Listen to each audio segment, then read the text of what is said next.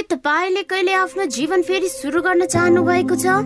के तपाईँ त्यो ताजा र एउटा नयाँ सुरुवातको भावना चाहनुहुन्छ? के तपाईँलाई थाहा छ यसु ख्रिस्टले तपाईँलाई त्यो सुरुवातको प्रस्ताव अहिले नै राख्नुहुन्छ? यदि तपाईँ सोच्दै हुनुहुन्छ कि कसरी त्यो सम्भव छ मसँग रहनुहोस् मित्रहरू र यो प्रश्नको उत्तर तपाईँले चाँडै पाउनुहुनेछ। अन्तर्राष्ट्रिय महामारीको उदय ग्लोबल राजनीतिक ध्रुवीकरण। कुप्रबन्धन र भ्रष्टाचार।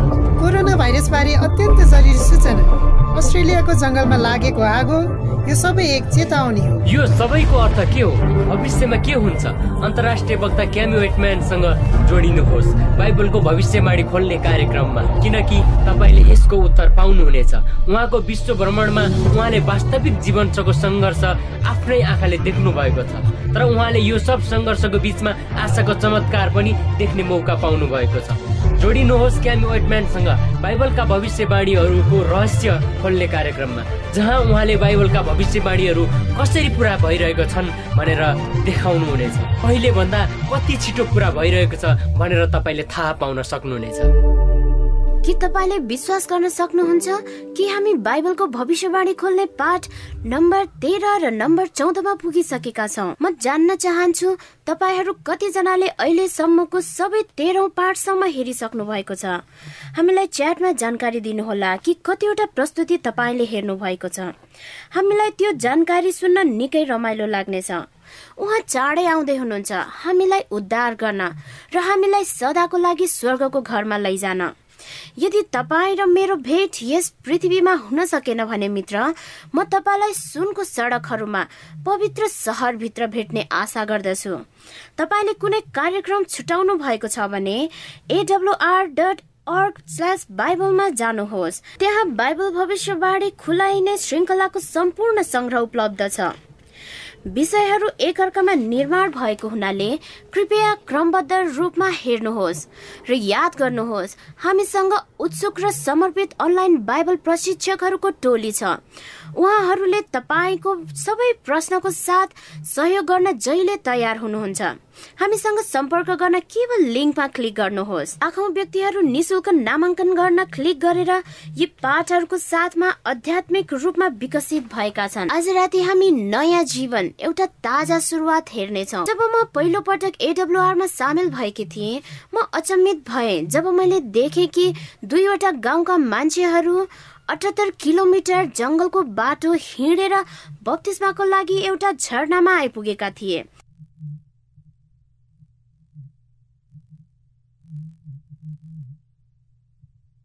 निकै नै राम्रो र सुन्दर सम्मेलन थियो त्यो।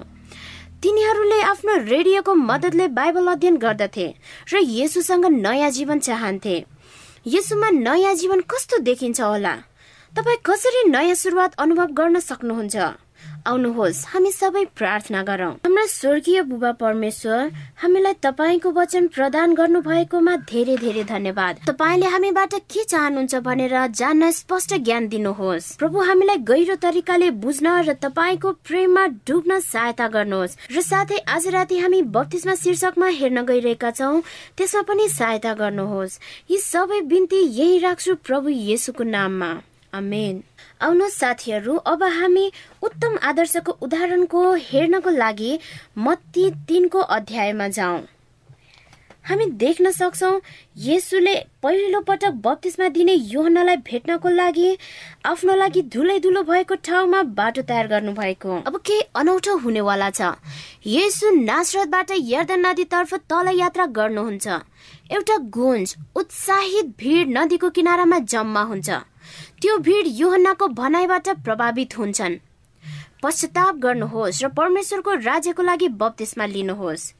युहन्ना आफ्नो मेघर्जनको बीचमा हुँदा उनी अचानक रोकिन्छन्। एकछिनको लागि त्यहाँ मौनता छाउँछ। उनको आँखा एक मान्छेको स्थिर रहन्छ। उनले त्यस्तो शुद्ध र पवित्र चरित्र कहिल्यै महसुस गरेका थिएनन्। त्यो भिडले उनको स्थिरतालाई निहालिरहेको थिए। युहनाले कसलाई हेरिरहेका छन्? त्यो भिडमा भएको मान्छेहरूको काने खुसी सभाभरि फैलिन्छ। त्यो मान्छे को हो? तिनीहरूले आफ्नो राजा मसियालाई पनि चिन्न सकेनन्।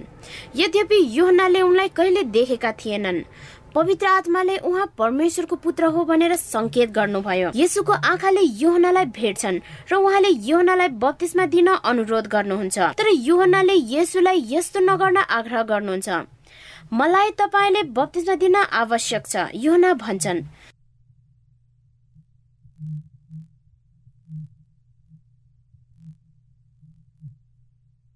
मलाई तपाईँले बत्तिसमा दिन आवश्यक छ। युना भन्छन् त्यसो भए तपाईँ म कहाँ किन आउनु भएको तर यसु भन्नुहुन्छ यो हुनै पर्छ किनकि हामीले परमेश्वरले चाहनुभएको सबै कुरा पूरा गर्नै पर्छ। त्यसैले योनाले उनलाई बत्तिसमा दिन सहमत हुन्छन्। उहाँले मुक्तिदातालाई यर्दनको पारीमा लैजानुहुन्छ। जब उहाँहरू दुईजना पानीमा उभिनुहुन्छ हामीले योहनाको एउटा हात यसुको पछिल्तिर राखेको र उनको अर्को हात स्वर्गतिर उठाएको कल्पना गर्न सक्छौ। त्यहाँ भएको भिड भयभीत भयो र यसुलाई पानी मुनि डुबाइयो। जब यसो पानीबाट निस्कनु भयो उहाँको अघि एउटा नयाँ र महत्वपूर्ण युगको उदय भयो।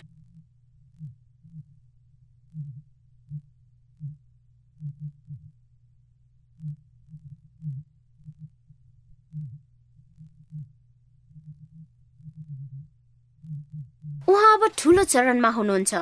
उहाँको सेवाकाई सुरु भएको छ। उहाँलाई थाहा छ कि उहाँ आफ्नो जीवनको द्वन्द्वमा प्रवेश गर्दै हुनुहुन्छ।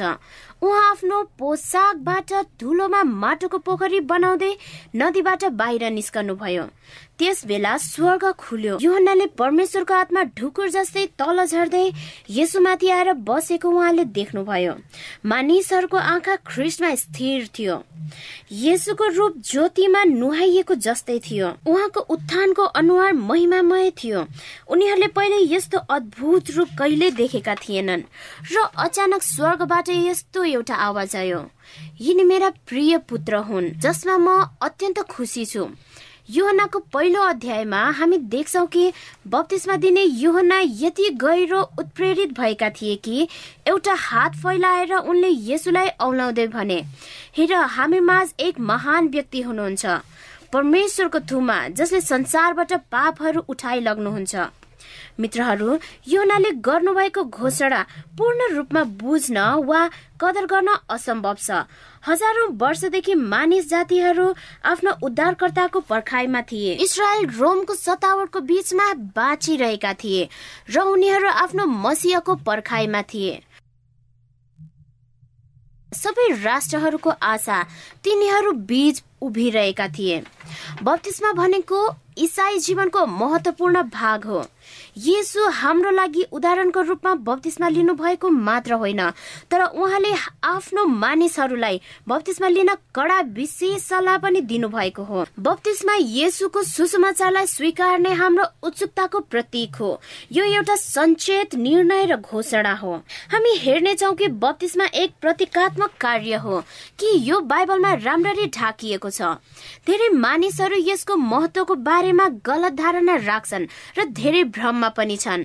तर यो मुक्तिको लागि अत्यन्त महत्वपूर्ण छ।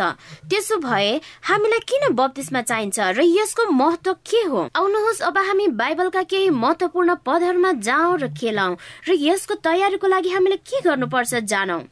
बप्तिस्माको सन्दर्भमा ख्रिस्टको उदाहरण पछ्याएर हामी आफ्नो वफादारी देखाउन सक्छौ। यसुले हामी सबैजनालाई सार्वजनिक अडान लिन बोलाउनु भएको छ। परमेश्वरको वचनको सच्चाइले हामीलाई उनीमा निर्भर हुने क्षमता दिन्छ। यस श्रृङ्खलाको लागि हाम्रो विषयवस्तु हो। यदि कुनै पनि कुरा बाइबलमा छ भने म त्यसलाई विश्वास गर्दछु। यदि यो बाइबलसँग असहमत छ भने यो मेरो लागि होइन। हामी सबैले कहिलेकाहीँ यो चाहन्छौ कि हामी नयाँ जीवन सुरु गरौँ ताजा सुरुवात गरौँ।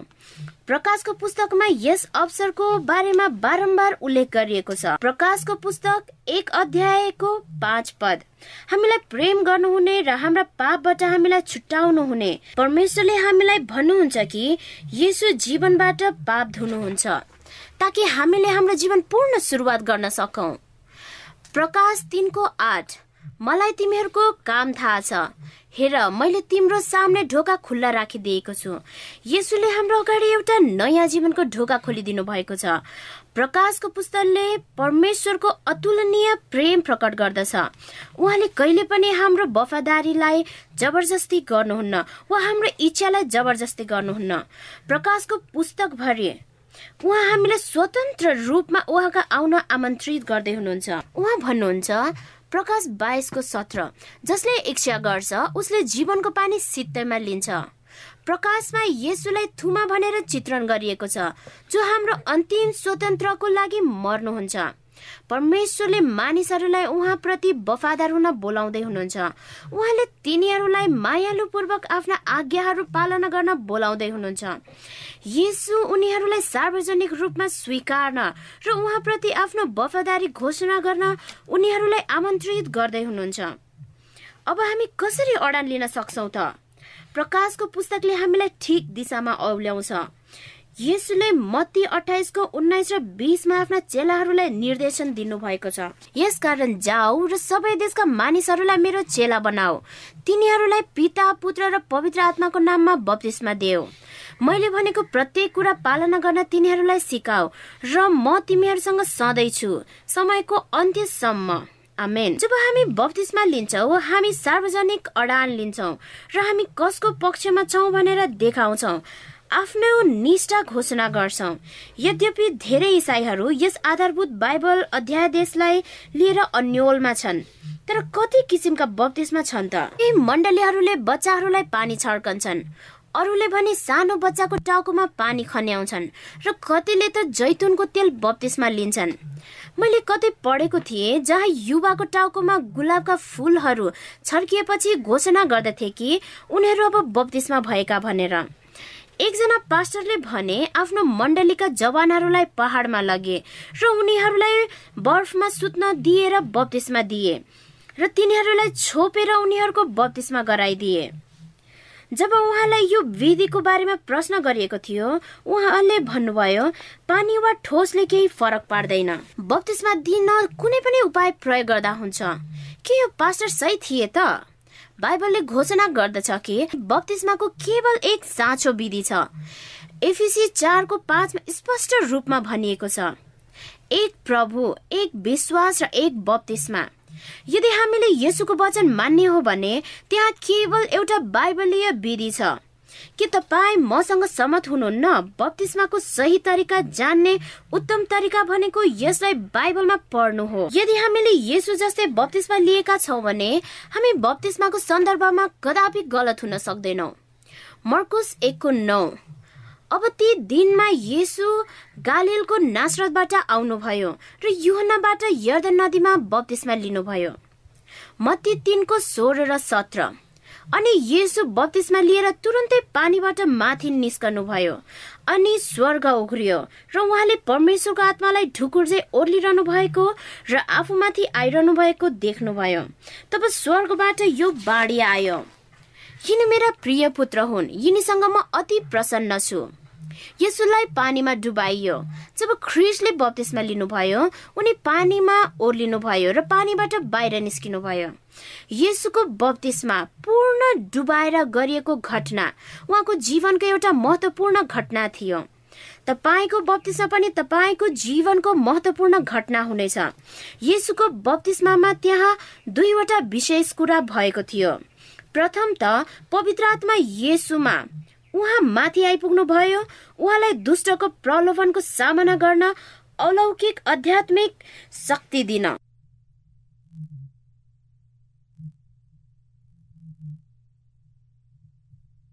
बाइबलले आश्वासन दिन्छ कि जब हामी बप्तिस्मा लिन्छौँ तब हामी पनि त्यही आत्मिक शक्ति पाउनेछौँ त्यही आत्मिक सहयोग।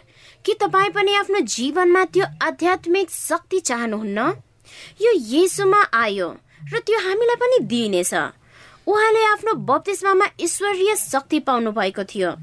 र जब हामी विश्वासका साथ प्रभु प्रतिको हाम्रो हृदय खोल्दछौ हामी हाम्रो बत्तिसमामा पनि पवित्र आत्मा प्राप्त गर्नेछौँ। धर्मशास्त्रले प्रेरितको दसको अडतिसमा भन्छ कि परमेश्वरले नासरतका यसुलाई पवित्र आत्मा र शक्तिले अभिषेक गर्नुभयो। मलाई यो पद साह्रै मनपर्छ। यसुको बत्तिसमाको बेला भएको दोस्रो कुरा चाहिँ हाम्रो पिता परमेश्वर उहाँसँग मत्ती तिनको सत्रमा बोल्नु भएको थियो। यिनी मेरा प्रिय पुत्र हुन्। यिनीसँग म अति प्रसन्न छु।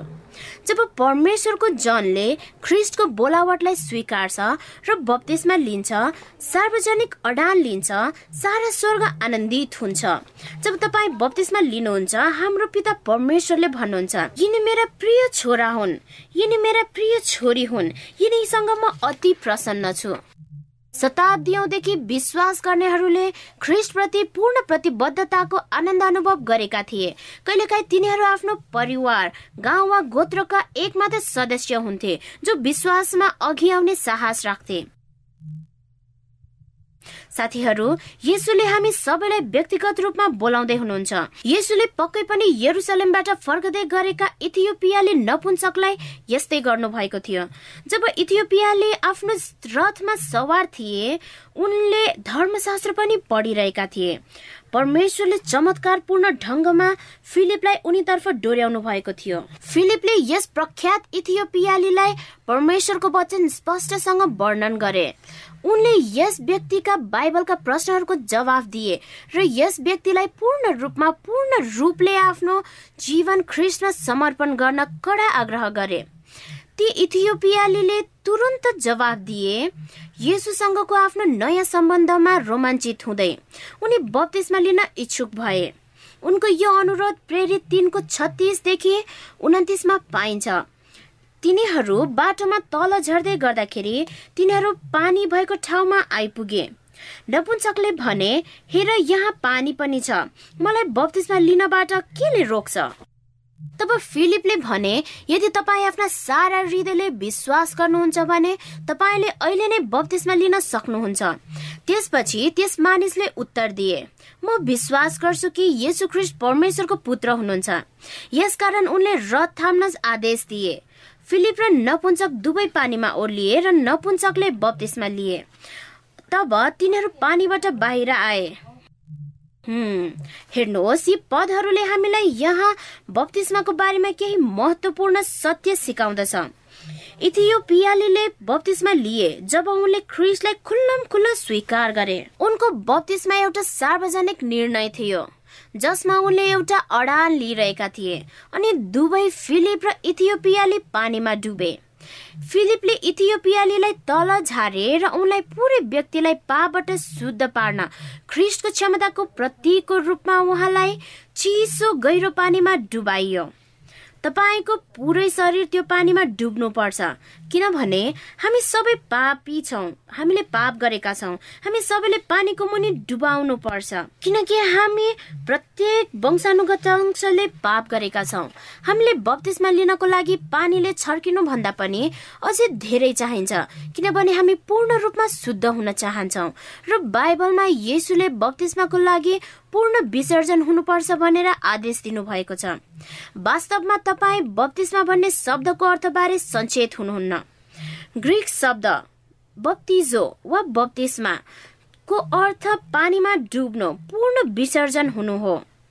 उदाहरणको लागि यदि एक ग्रिक महिलाले कपडाको टुक्राको रङ पुरै परिवर्तन गर्न चाहन्छन् भने उनले कपडामा साना साना थोपाहरू मात्र छर्किने छैनन्। उनले त्यो कपडालाई पानी मुनि डुबाउँछिन्।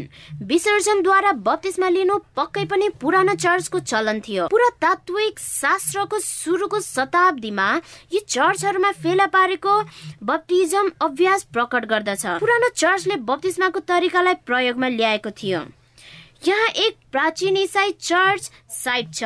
जुन आधुनिक टर्कीको पश्चिमी किनारहरूको छेउमा एफिसको नजिकै जहाँ बब्स्ट्री छ पुरा तत्वविद र इतिहासकारहरूको अनुसार पोखरी जस्तो आकारको ती दिनहरूमा वयस्कहरूको मात्र डुबाएर बत्तिसमा लिने चलन थियो। भन्ने तथ्य देखाउँछ। यो फिलिपीको प्रारम्भिक इसाई चर्च हो। चर्चका बाँकी अवशेषहरूमा हामी प्रारम्भिक बत्तिसमा देख्छौँ जहाँ नयाँ नियमका इसाईहरूले डुबाएर विश्वासीहरूलाई बत्तिसमा दिए। सेन्ट जोन अफ लाट्रिन रोमको दोस्रो सबैभन्दा ठुलो चर्च हो। यो रोमको सबभन्दा प्रसिद्ध चर्च हो। सेन्ट पिटर क्याथेड्रल पछाडिको। यदि तपाईँ साँगुरो गल्लीको बाटोबाट त्यो चर्चको पछाडिबाट हिँड्नुहुन्छ भने तपाईँले एकदमै उल्लेखनीय कुरा भेटाउनुहुनेछ एकदमै सुन्दर बापस्ट्री अथवा बस्ती। स्पष्ट छ कि रोमन क्याथोलिक धर्मले विसर्जन गरेर बत्तिसमा दिने गरेको थियो। तिनीहरूले तेह्रौं शताब्दीसम्म अभ्यास गर्न जारी राख्छन्। यी पुरातन चर्चहरूमा बत्तिसमा हुनेहरूले पत्ता लगाए कि चर्चले सयौं वर्षसम्म डुबाएर बाइबलको बत्तिसमाको अभ्यास गरेका थिए। र यहाँ तपाईँ पिसाको झुकाव टावर देख्न सक्नुहुन्छ। तपाईँ यो बेल टावरसँग परिचित हुन सक्नुहुन्छ। जुन झुकावमा रहेको कोणको कारण विश्व प्रसिद्ध छ। तर तपाईँ त्यो टावरको पछाडिको बस्ट्रीसँग त्यति परिचित हुनुहुन्न होला। जहाँ रोमी क्याथोलिकहरूले कैयौं शताब्दीसम्म डुबाएर बत्तिसमा लिएका थिए। विश्वको सबैभन्दा उल्लेखनीय बत्तिसमा सेवाहरू मध्ये एक दक्षिण पूर्व टर्कीको गुफाभित्र रहेको चरणस्थल सहर कपाडेसियामा भेटिन्छ। यहाँ इसाईहरूले मध्य युग अन्धकारको युगमा आफ्ना दमनकारीहरूबाट शरण लिन्थे। हामी तिनीहरूको नवकाशीदार ढुङ्गाबाट यस गुप्त सहरमा प्रवेश गरौँ। हामी देख्दछौ चट्टानमा कुदेको बबश्री जहाँ यी विश्वासी इसाईहरूले पूर्ण डुबाएर बत्तिसमा लिने गर्थे। विसर्जन नयाँ नियम चर्चको अभ्यास थियो। यसुले पनि डुबाएर बत्तिसमा गर्नु भएको थियो। दिनदेखि प्रारम्भिक चर्च र विश्वासीहरूले यस बाइबलीय अभ्यासलाई पछ्याइरहेका छन्। सन् तेह्र सय उनासयमा राभेन्नाको काउन्सिलले चर्चलाई जुन छरिन्छ र खन्याएर आधिकारिक रूपमा स्वीकार गरियो। पानी छर्किने पनि डुबाएर बत्तिसमा लिने रीति उत्तिकै बराबर महत्वको हुन थाल्यो। चर्चले पानी छर्किने चलन अधिक सुविधाजनक विधिको रूपमा सुरु गर्यो। त्यही व्यक्तिहरूले बप्तिस्मालाई ढिलाइ गर्दछन्। जबसम्म उनीहरू मृत्युको नजिकमा पुग्थे बिस्तारै धेरै वर्षहरूमा पानी छर्किने पनि विसर्जनको रूपमा स्वीकार गरियो। मित्रहरू यस श्रृङ्खलाको क्रममा हामीले धेरै अभ्यासहरू देख्यौं। जुन क्रमिक रूपमा इसाई चर्चमा खसेका छन्। जसको धर्मशास्त्रमा कुनै आधार छैन। उदाहरणको लागि आइतबार पूजा। अमरात्माको अवधारण र अब पानी छर्किने। बाइबलले हामीलाई बप्तिस्माको साँचो बाइबलीय विधिमा फिर्ता बोलाउँदैछ। बाइबलको बप्तिस्माको अर्थ के हो? रोमी छको तिन र चारमा हेरौँ। के तिमीहरू जान्दैनौ हामी सबै जातिले ख्रिस्ट यसुमा बप्तिस्मा लियौँ। उहाँकै मृत्यु बत्तिस्मामा लिएका थियौँ। यसकारण बत्तिस्माद्वारा हामी मृत्युमा उहाँसँगै गाडियौँ ताकि जसरी पिताको महिमाद्वारा ख्रिस्ट मरेकाहरूबाट जीवित पारिनुभयो त्यसरी हामी पनि नयाँ जीवनको मार्गमा हिँडौँ। जब तपाईँ पानीमा हुनुहुन्छ यसले भन्छ कि प्रभु म मेरो निम्ति क्रोसमा तपाईँको मृत्यु स्वीकार गर्दछु। यो विधिले के भन्छ भने म मेरो पुरानो जीवनलाई त्यागेर येसुमा नयाँ जीवन बिताउन चाहन्छु। साथीहरू बत्तिसमा आफ्नो पुरानो पापी जीवन शैलीको लागि मर्ने प्रतिनिधित्व गर्दछ।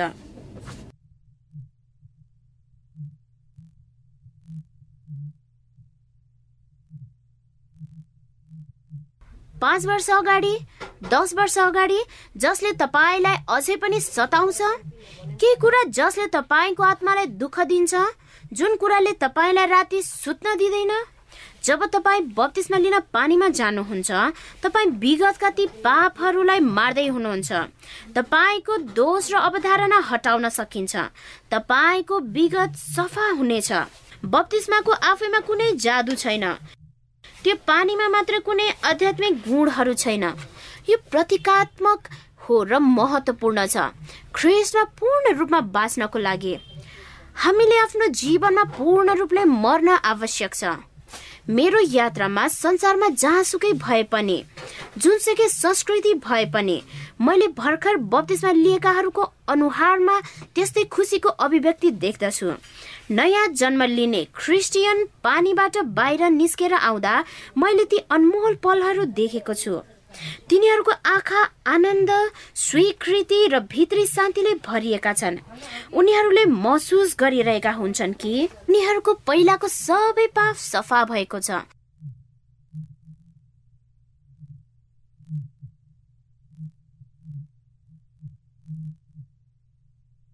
तिनीहरूको सम्पूर्ण अस्तित्व विकसित हुन्छ। त्यस बेला उनीहरूको जीवन पहिले जस्तो थिएन। उनीहरूलाई अब थाहा छ उनीहरू फेरि सुरु गर्न सक्दछन् र पवित्र आत्माको सहायताले जीवन परिवर्तन गर्दछन्। बत्तिसमा भनेको पानीलाई चिहानमा गाड्नु जस्तै हो। तर तपाईँ सोच्न सक्नुहुन्छ जब म मेरो पापको पश्चाताप गर्दछु यसुले मलाई माफ गर्नुहुन्न? उहाँले अवश्य माफ गर्नुहुन्छ। यही कुरा पहिलो योना एकको नौमा भनिएको छ। यदि हामीले आफ्ना पापहरू स्वीकार गर्यौं भने उहाँले हाम्रो पाप क्षमा गर्नुहुन्छ र सबै अधर्मबाट हामीलाई शुद्ध पार्नुहुन्छ किनकि उहाँ विश्वासयोग्य र धर्मी हुनुहुन्छ। जब तपाईँ पारीमा जानुहुन्छ तपाईँ प्रदर्शन गर्दै हुनुहुन्छ। येसु म तपाईँलाई म मेरो सबै जीवन दिन्छु। जुन पापहरू मलाई याद छ र जुन पापहरू मलाई याद छैन। किनकि मित्रहरू हामीले गरेका सबै पापहरू हामीलाई याद हुँदैन। प्रभु म कृतज्ञ छु कि जब म पानीबाट बाहिर आउँछु म ताजा सुरुवातको साथ नयाँ मान्छे हुन्छु र म यसरी मेरो जीवन सुरुवात गर्न चाहन्छु। तपाईँलाई थाहा छ साथीहरू मैले मेरो जीवनभरि धेरै अविश्वसनीय कारनामाहरू अनुभव गर्ने मौका पाएको छु। यो संसारले मेरो अनुभवलाई अन्तिम उपलब्धिहरू ठान्दछ तर म तपाईँलाई केही भन्न चाहन्छु। कुनै पनि कुराले आत्माको समर्पणतासँग तुलना गर्दैन। आफूलाई बत्तिसमामा समर्पण गरेर। अनन्त जीवनलाई स्वीकारेको देख्दा खुसी महसुस हुन्छ। मेरो टोली र म बत्तिसमाको लागि हामी धेरै हदसम्म जान सक्छौँ जुन हामी संसारमा नै गर्न सक्छौँ। मलाई याद छ जब हामीले फिलिपिन्सको पहाडहरूमा माथिल्लो गाउँको बारेमा सुनेका थियौँ उहाँहरूले यसु र सत्यको बारेमा हाम्रो रेडियो कार्यक्रमहरू सुन्दै हुनुहुन्थ्यो र बत्तिसमा लिन चाहनुहुन्थ्यो। त्यहाँ दुईवटा तरिकाहरू थिए जुन तपाईँ तिनीहरूको गाउँमा पुग्न सक्नुहुनेछ। या त घोडामा सवार भएर जुन अलि लामो समय लाग्छ वा मोटरसाइकलमा। हामीले भने मोटरसाइकल छिन्यौँ। हामीले चौबिसवटा झरनाहरू पार गरी घुमी घुमी माथिसम्म पुग्यौँ र हामीलाई दर्जनौ सुन्दर केटाकेटीहरूले मुस्कानका साथ स्वागत गरे।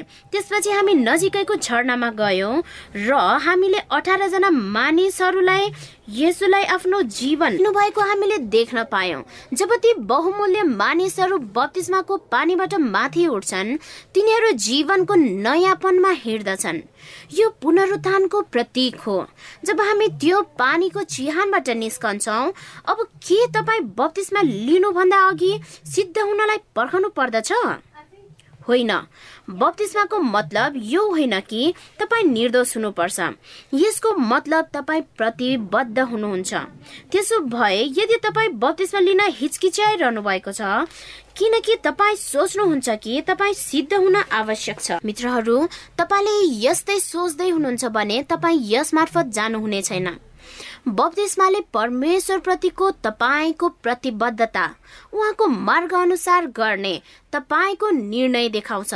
बप्तिस्मा भनेको इसाई जीवनको अन्त्य होइन। यो त केवल सुरुवात हो। परमेश्वर म तपाईँको हुँ। मलाई मार्ग निर्देशन गर्नुहोस् र मलाई प्रयोग गर्नुहोस्। बप्तिस्माले हामीले हाम्रो जीवनमा नयाँ आध्यात्मिक शक्ति दिन्छ। त्यसो भए हामी बप्तिस्मा लिँदा के हुन्छ हेरौँ है त? हामी देख्छौ कि हरेक पाप क्षमा हुन्छ। प्रेरित दुईको अडतिसमा पत्रुसले तिनीहरूलाई भने पश्चाताप गर र तिमीहरू हरेकले पाप मोचनको निम्ति यसु ख्रिस्टको नाममा बत्तिसमा ल्याऊ र तिमीहरूले पवित्र आत्माको वरदान पाउनेछौ। पत्रुसले सबैलाई बत्तिसमा लिनुपर्छ भने स्पष्ट पार्नुहुन्छ। तर एउटा प्रश्न मेरो मनमा खेलिरहेको छ। त्यसो भए क्रुजमा चढाएको चोरलाई के हुन्छ त? उसले त कहिले बत्तिसमा लिएको थिएन। एउटा हार्दिक आदान प्रदान पछि मुक्तिदाताले त्यस चोरलाई उहाँले परमेश्वरको राज्यमा बचाइनेछ भनेर प्रतिज्ञा गर्नुभयो। क्रुसमा झुन्डिरहँदा जब उसले आफ्नो जीवन यसुले दिने निश्चय गर्नुभयो त्यस बेला त्यो चोरले बत्तिसमा लिने केही उपाय नै थिएन। यसो जान्नुहुन्थ्यो कि त्यो चोरले बत्तिसमा लिने मौका पाउँथ्यो भने अवश्य उसले बत्तिसमा लिन्थ्यो। हामीलाई थाहा छ कि यसुले कहिले पाप गर्नु भएन। ख्रिस्ट यसो आफैलाई बत्तिसमा चाहिएको थिएन तर पनि हाम्रो लागि उदाहरणको रूपमा त्यो गर्नुभयो। क्रुसमा चोरले मृत्युदण्ड पाएको कैदीहरू छ्यालखानामा वा अस्पतालको ओछ्यानमा बत्तिस्मा लिन नसक्ने सबैलाई ख्रिस्टको बत्तिस्माको सेवा उपलब्ध गराउँछ। बत्तिस्मा भनेको सबैको लागि हो। पृथ्वीमा भएका प्रत्येक मानिसको लागि हो। केही चुनिएकाहरूको लागि मात्र होइन। र बत्तिस्मामा सबै पाप क्षमा गरिनेछ। कुनै पनि पाप ठुलो हुँदैन। बत्तिस्माको समयमा अर्को प्रतिज्ञा यो छ कि पवित्र आत्मा हामीलाई दिइनेछ। मर्कुस एकको दसमा भनिन्छ औ पानीबाट उक्ली आउने बित्तिकै उहाँले स्वर्ग उग्रिएको र आत्मालाई ढुकुरको रूपमा आफूमाथि उत्रदै गरेको देख्नुभयो। अब हामी प्रेरित दुईको अडतिसमा हेर्नेछौ र बाँकी पदमा हेर्नुहोस् जुन लेखिएको छ। तपाईँको बत्तिसमामा यसो तपाईँको लागि उपहार हुनुहुन्छ। तपाईँ शुद्ध र पवित्र जीवनको वरदान। तपाईँको जीवनमा थपिएको प्रतिज्ञा गर्नुभएको छ। जीवनको परीक्षणमा उहाँ तपाईँको व्यक्तिगत सहयोगी हुनुहुन्छ। धर्मशास्त्रले पवित्र शक्तिको बयान व्यक्तिगत रूपमा गर्दछ। जब पवित्र आत्माले सिकाउँदछ पवित्र आत्माको वरदान भनेकै परमेश्वरका विश्वासीहरूलाई उहाँले गर्न अराउनु भएको काम गर्ने शक्ति दिनुहुने हो। तपाईँको बपिसमाले तपाईँ परमेश्वरको परिवारमा अप्नाउनुहुन्छ। हामी विश्वव्यापी रूपमा विश्वासीहरूको एक सदस्य हुन्छौँ। प्रेरित दुईको एकचालिस। जब जस जसले तिनका कुरा ग्रहण गरे तिनीहरूले बत्तिसमा लिए र त्यसै दिन तिन हजार मानिसहरू तिनीहरूमा थपिए। बत्तिसमा चर्चको सदस्यसँग कसरी सम्बन्धित छ भनेर धेरैले सोच्दछन्। अब हामी फेरि प्रेरित दुईको बयालिसमा जाउँ। औ तिनीहरू प्रेरितहरूका शिक्षा संगति संयुक्त प्रार्थनामा लागिरहे। र हामी देख्दछौ कि उनीहरू परमेश्वरको प्रशंसा गरिरहेका छन् र सबै मानिसहरू अनुग्रहित छन् र प्रभुले प्रत्येक दिन मण्डलीमा थप्नुभयो र जसले मुक्ति पाइरहेका थिए। तपाईँको बत्तिसमाले तपाईँलाई विश्वास गर्नेहरूको शरीरको अंश बन्नको लागि छनौट गर्दछ। हाम्रा विश्रामबार पालना गर्ने आज्ञा पालना गर्ने एडभेन्टिस्ट इसाईहरू जसरी पढ्छौ तिनीहरू प्रेरितहरूको शिक्षा र संगतिमा स्थिर भई लागिरहे। परमेश्वरले तपाईँलाई उहाँको चर्चको शिक्षा अनुरूप पछ्याउने एउटा मण्डली भेट्न आग्रह गर्नुहुन्छ। जब तपाईँ बत्तिसमा लिनुहुन्छ तपाईँको पापहरू क्षमा गरिन्छ। तपाईँको जीवन मात्र शुद्ध गरिएको छैन तर तपाईँले पवित्र आत्मा पाउनुहुन्छ र विश्वव्यापी विश्रामबारको संगति बन्नुहुन्छ। अन्तर्राष्ट्रिय समुदायको विश्वासीहरूसँगै। यसोले सबै राष्ट्रियता सबै भाषाहरू र सबै धार्मिक अनुभूतिहरूको आफ्नो अन्तिम यात्रामा नेतृत्व गर्दै हुनुहुन्छ। बत्तिसमा लिनु अघि एक व्यक्तिले कुन कदमहरू चाल्नु पर्छ हेरौँ है त। सर्वप्रथम हामीले पश्चाताप गर्नै पर्दछ र हाम्रो पापको लागि साँचो दुःख महसुस गर्नुपर्छ। के तपाईँ यसो कहाँ आएर भन्नुभएको छ? प्रभु मलाई विश्वास छ कि तपाईँ मात्र मेरो पापहरू क्षमा गर्न सक्नुहुन्छ? किनकि तपाईँ मात्र मेरो उद्धारक हुनुहुन्छ। यदि तपाईँलाई यस्तो महसुस भएको छ भने तपाईँले विश्वासको यो यात्राको पहिलो कदम चालिसक्नु भएको छ र तपाईँ आफ्नो पुरानो जीवनशैलीबाट पन्छिन इच्छुक हुनुहुन्छ। पश्चाताप भनेको तपाईँको पापप्रति तपाईँको दृष्टिकोण बदलिएको छ। ती पापहरू अब तपाईँलाई आकर्षक छैनन्। अब तपाईँ ती पापहरूलाई दोहोऱ्याउन चाहनुहुन्न। दोस्रो हामीले विश्वास गर्नुपर्दछ र यसुलाई स्वीकार गर्नुपर्दछ किनभने उहाँ दुवै मुक्तिदाता हुनुहुन्छ र हाम्रो जीवनका परमेश्वर येसु हुनुहुन्छ। र अन्तमा हामीले बाइबलीय विश्वासको आवश्यक शिक्षाहरू सिक्न र एकचोटि तपाईँले बाइबलका विश्वासको आधारभूत कुरा उहाँको वचनको अत्यावश्यक सत्यता बुझिसकेपछि बप्तिस्मा लिनको लागि परमेश्वरले तपाईँलाई निम्तो दिनुहुनेछ। शिशु बप्तिस्माको बारेमा धेरैले आश्चर्य मान्दछन्। याकुब चारको सत्रले के भन्छ भने यसकारण जसले भलाइ गर्न जानिकन पनि गर्दैन त्यसलाई पाप लाग्छ। ती शिशुहरूले एक सचेत निर्णय गर्न सक्दैनन्। स्पष्ट रूपमा शिशुहरूलाई पापको बारेमा थाहा हुँदैन। शिशुहरू आफ्ना पापहरूको पश्चाताप गर्न असमर्थ हुन्छन्। शिशु बप्तिस्मालाई धर्मशास्त्रमा कहिले पनि प्रचारित गरिएको छैन। धेरै जसो क्याथोलिक शिक्षाहरू शिशु बप्तिस्माको बेबिलोन रहस्यको मूल हो। बेबिलोनमा नयाँ जन्मेका शिशुहरूको बप्तिस्माद्वारा सम्मानित गरियो।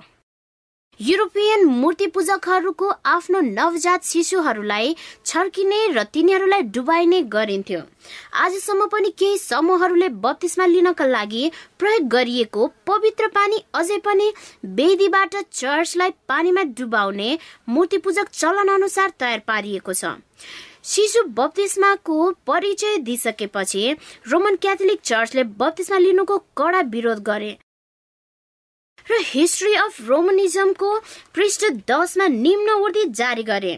तर वयस्कहरूले बत्तिसमा लिनै पर्छ भन्ने भन्दछन्। अन्त उद्धरण। प्रस्तुत श्रृङ्खलाको क्रममा तपाईँले परमेश्वरको वचनबाट नयाँ सत्य सिक्नु भएको हुन सक्छ त्यसो भए समय आइसकेको छ कि बाइबलको बत्तिसमाको सबै मार्गमा यसुलाई पछ्याउने वचनबद्ध छ। तर यदि तपाईँले बत्तिसमा लिइसक्नु भएको छ भने नि के तपाईँले फेरि बत्तिसमा लिन आवश्यक छ? बाइबलमा त्यहाँ एउटा उदाहरण छ जब मानिसहरूले फेरि बत्तिसमा लिएका थिए। यहाँ छ त्यसको जवाफ। प्रेरित पावल एफिसको माथिल्लो तहमा प्रचार गरिरहेका थिए र धेरै मानिसहरू उहाँ कहाँ आए। प्रेरित उन्नाइसको दुईदेखि पाँचले यसलाई वर्णन गर्दछ। अनि पावलले उनीहरूलाई भने विश्वास गरेर तिमीहरूले पवित्र आत्मा पायौ। उनीहरूले तिनलाई भने अह पवित्र आत्मा हुनुहुन्छ। भन्ने त हामीले सुनेका पनि थिएनौ। अनि तिनले उनीहरूलाई भने तब तिमीहरू कसमा बत्तिसमा भयो? तिनीहरूले भने युहन्नाको बत्तिसमामा तब पावलले भने युहन्नाले त मानिसहरूलाई उनी पछि आउने अर्थात् यसुमा विश्वास गरून् भनेर पश्चातावको बत्तिसमा दिन्थे। जब तिनीहरूले यो कुरा सुने तब तिनीहरू प्रभु येसुको नाउँमा बत्तिसमा भए। पावलले उनीहरूलाई पुरै निर्देशन दिए। तिनीहरूलाई एक पटक डुबाएर बत्तिसमा लिएका भए पनि पावलले तिनीहरूलाई डुबाएर फेरि बत्तिसमा दिए। तिनीहरू परमेश्वरको वचनको ज्योतिमा हिँड्न चाहन्थे।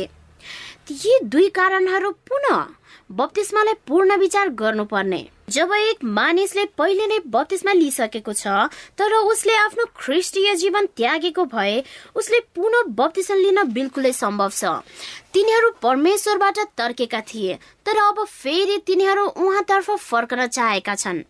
तपाईँले हरेक पल्ट पाप गर्दा तपाईँ पुनः बत्तिसमा लिन सक्नुहुन्न।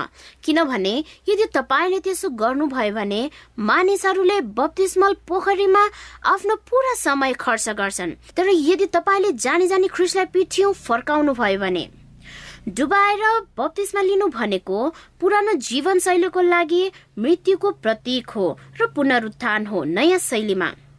के यसो आज रात तपाईँको मुटुमा आउँदै हुनुहुन्छ? हुन सक्छ तपाईँ टाढिँदै हुनुहुन्छ। तर नआत्तिनुहोस् यसो तयार हुनुहुन्छ तपाईँ फर्केको हेर्नलाई। उहाँको पाखुरा खुल्ला छ। जब हामी हाम्रो दुनियाँ वरिपरि हेर्छौँ हामी यो संकेत देख्छौ कि यो संसार विस्तार हुँदैछ। यसोले आफ्नो चाँडै फर्कने तयारी गर्दै हुनुहुन्छ। अब प्रभुको बारेमा गम्भीर हुनुपर्ने समय आएको छ। तपाईँको उद्धारकर्ता कहाँ फिर्ता आउनुहोस् र पुनः बत्तिसमा लिनुहोस्। तपाईँ पुनः बत्तिसमा लिन सक्नुहुन्छ। यदि तपाईँ एक इसाई हुनुहुन्छ जसले येसुको वचनमा नयाँ सत्यता पाउनु भएको छ र उहाँको आज्ञा पालना गर्ने मान्छेहरूको एक सदस्य बन्न चाहनुहुन्छ भने। यहाँ कति इसाईहरू छन् जसले येसुलाई आफ्ना सारा हृदयले यति धेरै प्रेम गर्छन् कि जब बाइबल अध्ययन गर्छन् र नयाँ सत्यता सिक्छन्। जसरी युहन्नाका चेलाहरूले गरे तिनीहरूले यी नयाँ सत्यहरूलाई उनीहरूको विश्वासमा थाम्दछन्। तपाईँको पनि पुनः बत्तिसमा लिने इच्छा होला। यदि यो तपाईँको इच्छा हो भने पुनः बत्तिसमाको लागि बाइबलीय उदाहरण छ। यदि तपाईँ एक इसाई हुनुहुन्छ भने पानीमा पुनः गएर तपाईँ आफ्नो पहिलेको इसाई जीवनको अनुभवलाई अस्वीकार गर्दै हुनुहुन्न। जब युहन्नाका चेलाहरूले पुनः बप्तिस्मा लिए तिनीहरूले परमेश्वरसँगको अघिल्लो हिँड्नेलाई अस्वीकार गरे। बप्तिस्मा कतिको महत्वपूर्ण छ? निकोदोमस राति यसुलाई खोज्न आए। हामीलाई थाहा आउनु पर्दछ कि बप्तिस्मा एकदम महत्वपूर्ण छ भनेर। हामीलाई युहना तिनको पाँचले भन्दछ। यसुले जवाफ दिनुभयो साँचो साँचो म तिमीलाई भन्दछु। कोही पानी र आत्माले जन्मेन भने परमेश्वरको राज्यमा पस्न सक्दैन। यसोले भन्नुभयो कि मुक्तिको लागि पानीको बप्तिस्मा आवश्यक छ। येसुको क्रुसको जुन अमूल्य महत्वको हुन्छ। नयाँ करारमा अठाइस पटक उल्लेख गरिएको छ जबकि बत्तिसमा सय भन्दा बढी बत्तिसमा उल्लेख गरिएको छ। कसैले पनि यसलाई अनावश्यकको रूपमा व्यवहार गर्नु हुँदैन रूपान्तरणमा एक व्यक्तिमा परिवर्तन यति कट्टरपन्थी र महत्वपूर्ण हुन्छ। यसुलाई मानिसका आवश्यकताहरू थाहा छ। उहाँलाई थाहा छ कि हामीलाई फेरि सुरुको बुँदाहरू चाहिन्छ। घटनाका मितिहरू महत्वपूर्ण छन् ताकि हामी तिनीहरूलाई फर्केर हेर्न सकौँ। यो विवाहको मितिसँग सम्मान छ। यसले हाम्रो जीवन साथीसँग नयाँ जीवन सुरु भएको मिति देखाउँछ। हामी प्रेम र भक्तिको सार्वजनिक प्रतिबद्धता जाहेर गर्दछौ। बाइबलले मर्को स्वरको स्वरमा यस्तो भनेको छ विश्वास गर्ने र बत्तिसमा लिनेले उद्धार पाउनेछ। पवित्र शास्त्र हाम्रो सुरक्षित र निश्चित मार्ग निर्देशन र ती मार्फत हामी हाम्रो मुक्तिदाता येसुको पाइलामा पछ्याउन सक्छौँ। यो सुसमाचार विश्वास गर्न पर्याप्त छैन। एक व्यक्तिले यसमा विश्वास गरी जिउनु पर्छ दोस्रो कुरन्ती छको दुई खुसी भएको समयमा मैले तिम्रो कुरा सुने औ उद्धारको दिन मैले तिमीलाई सहायता दिए। हेर ग्रहण योग्य समय अहिले छ। हेर उद्धारको दिन अहिले छ। साथीहरू तपाईँलाई पर्खिने आवश्यकता छैन। आज तपाईँको हृदयमा येसुको प्रतिबद्धतालाई छाप पार्ने दिन छ। प्रेरित बाइसको स्वर त अब किन बिहालो गर्नुहुन्छ? उठ्नुहोस् र उहाँको नाउँ लिएर बत्तिसमा भई आफ्ना पाप धुनुहोस्। बत्तिसमाको समयमा एक व्यक्ति ख्रिससँग एकतामा बाँधिन्छ। गलातीको तिनको सत्ताइसले भन्छ किनकि ख्रिसमा बत्तिसमा भए जति तिमीहरू सबैले ख्रिसलाई धारणा गरेका छौ। बत्तिसमा एक मानिसको लागि त्यति नै जरुरी छ जत्तिकै विवाहको लागि एक विवाह समारोह। दुवै समारोहहरू गहिरो प्रेम र पूर्ण रूपमा बुझ्नु पर्दछ यदि तिनीहरू अर्थपूर्ण हो भने। बत्तिसमालाई अस्वीकार गर्नु भनेको ख्रिससँग एक हुन अस्वीकार गर्नु हो। बत्तिसमा भनेको येसुसँगको हाम्रो सम्बन्धको सार्वजनिक घोषणा हो। दोस्रो कोरन्थी पाँचको सत्रले भन्छ यसरी कोही ख्रिस्टमा छ भने त्यो नयाँ सृष्टि हुन्छ। पुराना कुराहरू बितिसके हेर ती नयाँ भइसकेका छन्। के तपाईँ नयाँ बन्न चाहनुहुन्छ? के तपाईँको हृदयले तपाईँलाई अहिले यसुतर्फ खिच्दैछ? के तपाईँ उहाँलाई तपाईँको एकमात्र प्राथमिकता बनाउन चाहनुहुन्छ? तप के तपाईँले भन्नुहुन्छ? हे प्रभु म तपाईँलाई बाइबल बत्तिसमाको सबै तरिका पछ्याउन निर्णय गर्न चाहन्छु। मित्रहरू तपाईँलाई केले रोकिरहेको छ? के तपाईँ यो प्रतिबद्धता बनाउन डराउँदै हुनुहुन्छ? के तपाईँ आफ्नो निर्णयको लागतको लागि डराउँदै हुनुहुन्छ? के तपाईँ सोच्दै हुनुहुन्छ कि निर्णयको मूल्य एकदम उच्च छ कि यसले तपाईँले धेरै खर्च गर्छ? म तपाईँसँग एउटा कथा बाँड्न चाहन्छु। जुन हामीले उत्तर र दक्षिण कोरियाको बीच डिएमजेडको सिमानामा फिल्मायौँ। उत्तर कोरिया र चीनको सिमानामा एउटा नदी छ। उत्तर कोरियाका मान्छेहरूले चीनमा भाग्नको लागि नदी पौडी खेल्न प्रयास गरे। उत्तर कोरियामा तीन पटक भन्ने नियम छ। यदि कसैले एकपल्ट भाग्यो भने र समातियो भने तिनीहरूलाई फिर्ता पठाइन्छ र जेलमा राखिन्छ। दोस्रो पटक उनीहरूलाई कडा दण्ड दिइन्छ। यदि तेस्रो पटक पक्राउ पर्यो भने तिनीहरूलाई मारिनेछ। किम नाम गरेकी एउटी युवती थिइन् जो स्वतन्त्रताको लागि आतुर थिइन्। उनी मङ्गोलियाबाट भाग्न चाहन्थिन् ताकि उनी दक्षिण कोरिया जान पाउँथिन्। उनले आफ्नो परिवारलाई सहयोग गर्न पैसा उठाउन योजना बनाइन्। जब किम त्यहाँबाट भागिन् उनी एक इसाई थिइन् र परमेश्वरलाई चिनेकी थिइन्। पहिलो पटक उनी समातिएपछि उनलाई फेरि जेल पठाइयो। उनीहरूले उनलाई चेतावनी दिए। फेरि प्रयास नगर नत्र केही नराम्रो घटना घट्नेछ। तपाईँलाई लाग्छ कि यो चेतावनीले किमलाई रोक्न सक्यो? उनलाई त्यसले रोक्न सकेन। उनी दोस्रो पटक पनि भाग्न कोसिस गरिन्। अन्धकार अनुहारको रूपमा भाग्न कोसिस गरिन्। तर एउटा ज्योति भएको मानिसले उनलाई समात्यो। त्यसपछि उनलाई अझै कडा दण्ड दिइयो उनीहरूले तिनलाई कडा चेतावनी दिए। किम यदि तिमी भाग्ने पुनः प्रयास गर्यौ भने तिमीलाई मृत्युदण्ड दिइनेछ। फेरि भाग्ने कोसिस नगर। तर किमलाई कुनै पनि कुरा भन्दा बढी स्वतन्त्र चाहिएको थियो। तेस्रो पटक उनको जीवनको जोखिममा मध्य रातमा उनले फेरि नदीमा पौडिने निर्णय गरिन्। यस पटक भने उनी नदीको अर्कोतर्फ पुग्न सफल भइन्। त्यसपछि उनले चिनिया सिमानामा उनले बाटो फेला पारिन् जहाँ अत्यन्त दयालु परिवारले उनलाई उनीहरूको घरमा लुकाए। जब उनी ती दयालु व्यक्तिहरूसँग धेरै महिनासम्म थिइन् उनले एउटा रेडियो भेट्टाइन्। जब उनी रेडियो घुमाउँदै थिइन् उनले उनको कोरियन भाषाको परिचित शब्दहरू सुन्न पाइन्। आज राति यो प्रस्तुतिकरण समाप्त गर्नुभन्दा पहिले म तपाईँहरूसँग हाम्रो एडभेन्टिस्ट वर्ल्ड रेडियोको छोटो फिल्म बाँड्न चाहन्छु। जुन चाहिँ किमको उत्तर कोरियाबाटको उम्काइमा आधारित छ जसले चाहिँ एक महिलाले येसुप्रतिको उनको प्रेमको लागि गरेको छनौटको चित्रण गर्दछ। एक रात मेरो चर्चमा एक अपरिचित महिलाले प्रवेश गरिन् र पछाडि बसिन्। उनको मुहारमा धेरै चाउरी परेको थियो जसले उनको जवानी लुकाउँदै थियो। म एकछिन त उनी को हुन् भनेर सोचिरहेँ। ती अपरिचित महिला गिर्जाघरको आसनमा एक्लै बसिन् र सबैजना त्यहाँबाट गइसकेपछि पादरी उनीसँग गएर बसे। म उत्तर कोरियाबाट भागेकै हुँ भनेर उनले स्वीकार गरिन् र म यहाँ चीनमा पनि सुरक्षित छैन। तर मेरो एउटा सानो अनुरोध छ। उनले भनिन् के तपाईँले मलाई बत्तिसमा दिनुहुन्छ? के तपाईँलाई थाहा छ? बत्तिसमा भनेको के हो? मैले प्रश्न गरेँ। हजुर मलाई थाहा छ। त्यो उनको दृढ प्रतिक्रिया थियो। मैले रेडियोबाट यसुको बारेमा सिके। उनी लुकिरहेको बेला त्यस प्रिय महिलाले रेडियो भेटाइन्। ट्युनिङ रोकियो जब उनले परिचित कोरियाली भाषा सुनिन्। यो एडभेन्टिज विश्व रेडियोको माध्यमबाट आशाको आवाज थियो। यस खोजले चाँडै उनको एक्लोपन र डरलाई साहस र आशामा परिणत गर्यो। किनभने उनले येसुको त्याग र येसु हाम्रो उद्धारको लागि मर्नु भएको हो भनेर बुझिन्। उनको हृदयमा एउटा तिर्सनाको जन्म भएको थियो। एक दिन उत्तर कोरियामा गई उनको परिवार र साथीहरूसँग आफूले के सिकिरहेकी थिइन् ती सबै कुरा सिकाउने छिन्। हामीले एक हप्ता सँगै बाइबल अध्ययन गर्यौं र उनले एक एक शब्द पढिन्। तपाईँ कोठामा पवित्र आत्माको उपस्थित महसुस गर्न सक्नुहुन्थ्यो। अध्ययनको एक हप्तापछि एक गोप्य बत्तिसमा आयोजित गरिएको थियो। सबै ढोका र झ्यालहरू बन्द गरियो र सबैजनाले नरन रूपमा भजन गाउँदै थिए ताकि कसैले सुन्न नसकोस्।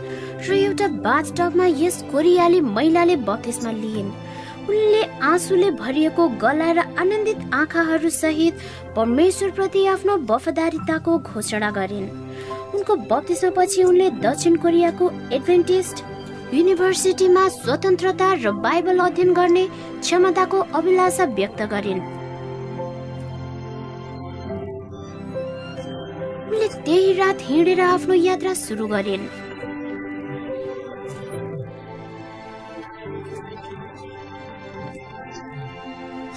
केही समयपछि मैले एउटा फोन कल प्राप्त गरेँ। अर्को तर्फबाट फुसफुसाएको आवाज आयो। म सुरक्षित साथ सिमानामा पुगेको छु। आज राति नै म त्यहाँ जाँदैछु। मेरो निम्ति प्रार्थना गर्नुहोला। मैले सिमानाका आठवटा तारको कडा बारलाई सोच्दै थिएँ। उनी सफल हुन्छन् त? दुर्भाग्यवश उनी त्यस रात सिमाना पार गर्न सकिनन्। तर चिनिया सिपाहीहरूले उनलाई फेला पारे जसले उनलाई उनको जन्मभूमिमा फिर्ता पठाइदिए जहाँ उनलाई मृत्युदण्ड दिइयो। यो समाचार पाउँदा म साह्रै दुखी भएँ। म ती आनन्दित खुसी आँखाहरू कहिले देख्न पाउने थिइनँ। उनले भनेको कुरा याद आयो मलाई। यदि म समातिएँ भने म मुक्तिको आशाको लागि मर्नेछु। उनले स्वतन्त्रता खोजिरहेकी थिइन्।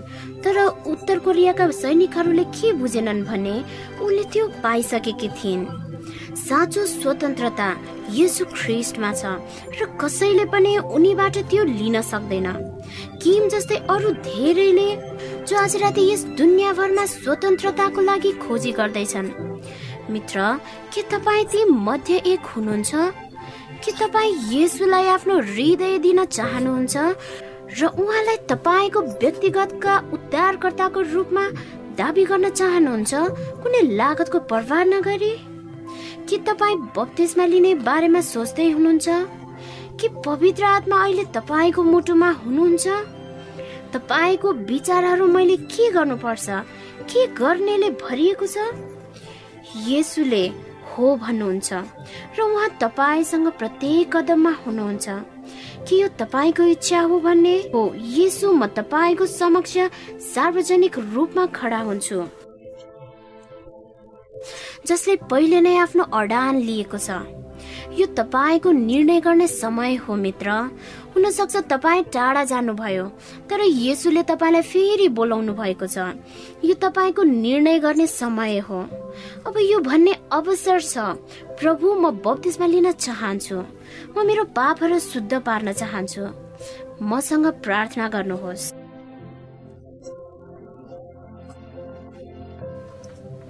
स्वर्गीय पिता हामी तपाईँको समक्ष खुला हात लिएर आउँदैछौँ। समर्पणमा तपाईँ हामीलाई तपाईँको पथमा डोर्याउनुहोस्। तपाईँको घरतिर बत्तिसमाको सफा छालहरूमा तपाईँको अनुसरण गर्न हामीले तपाईँलाई हाम्रो जीवन समर्पण गर्दा पवित्र आत्माले अहिले नै हाम्रो हृदयहरूमा शक्तिशाली काम गर्नुहोस्। प्रभु तपाईँलाई थाहा होला एक व्यक्ति जो अहिले एक्लो छ र सत्यको पक्षमा खडा हुन सङ्घर्ष गरिरहेको छ किनकि तिनीहरूको परिवार वा समुदायमा तिनीहरू एक्लो हुन सक्छन्। तिनीहरूलाई विशेष ध्यान दिनुहोस् प्रभु। ज्ञानको साथ उनीहरूलाई सान्त्वना दिनुहोस् कि तपाईँले उनीहरूको सुरक्षा गर्नुहुनेछ र तपाईँले प्रदान गर्नुहुनेछ। तिनीहरूलाई चारैतिर स्वर्गदूतहरूले घेरिरहन् हामीलाई थाहा छ कि सारा स्वर्ग रमाउनेछ। अब कसैले तपाईँलाई आज राति चुन्नेछ?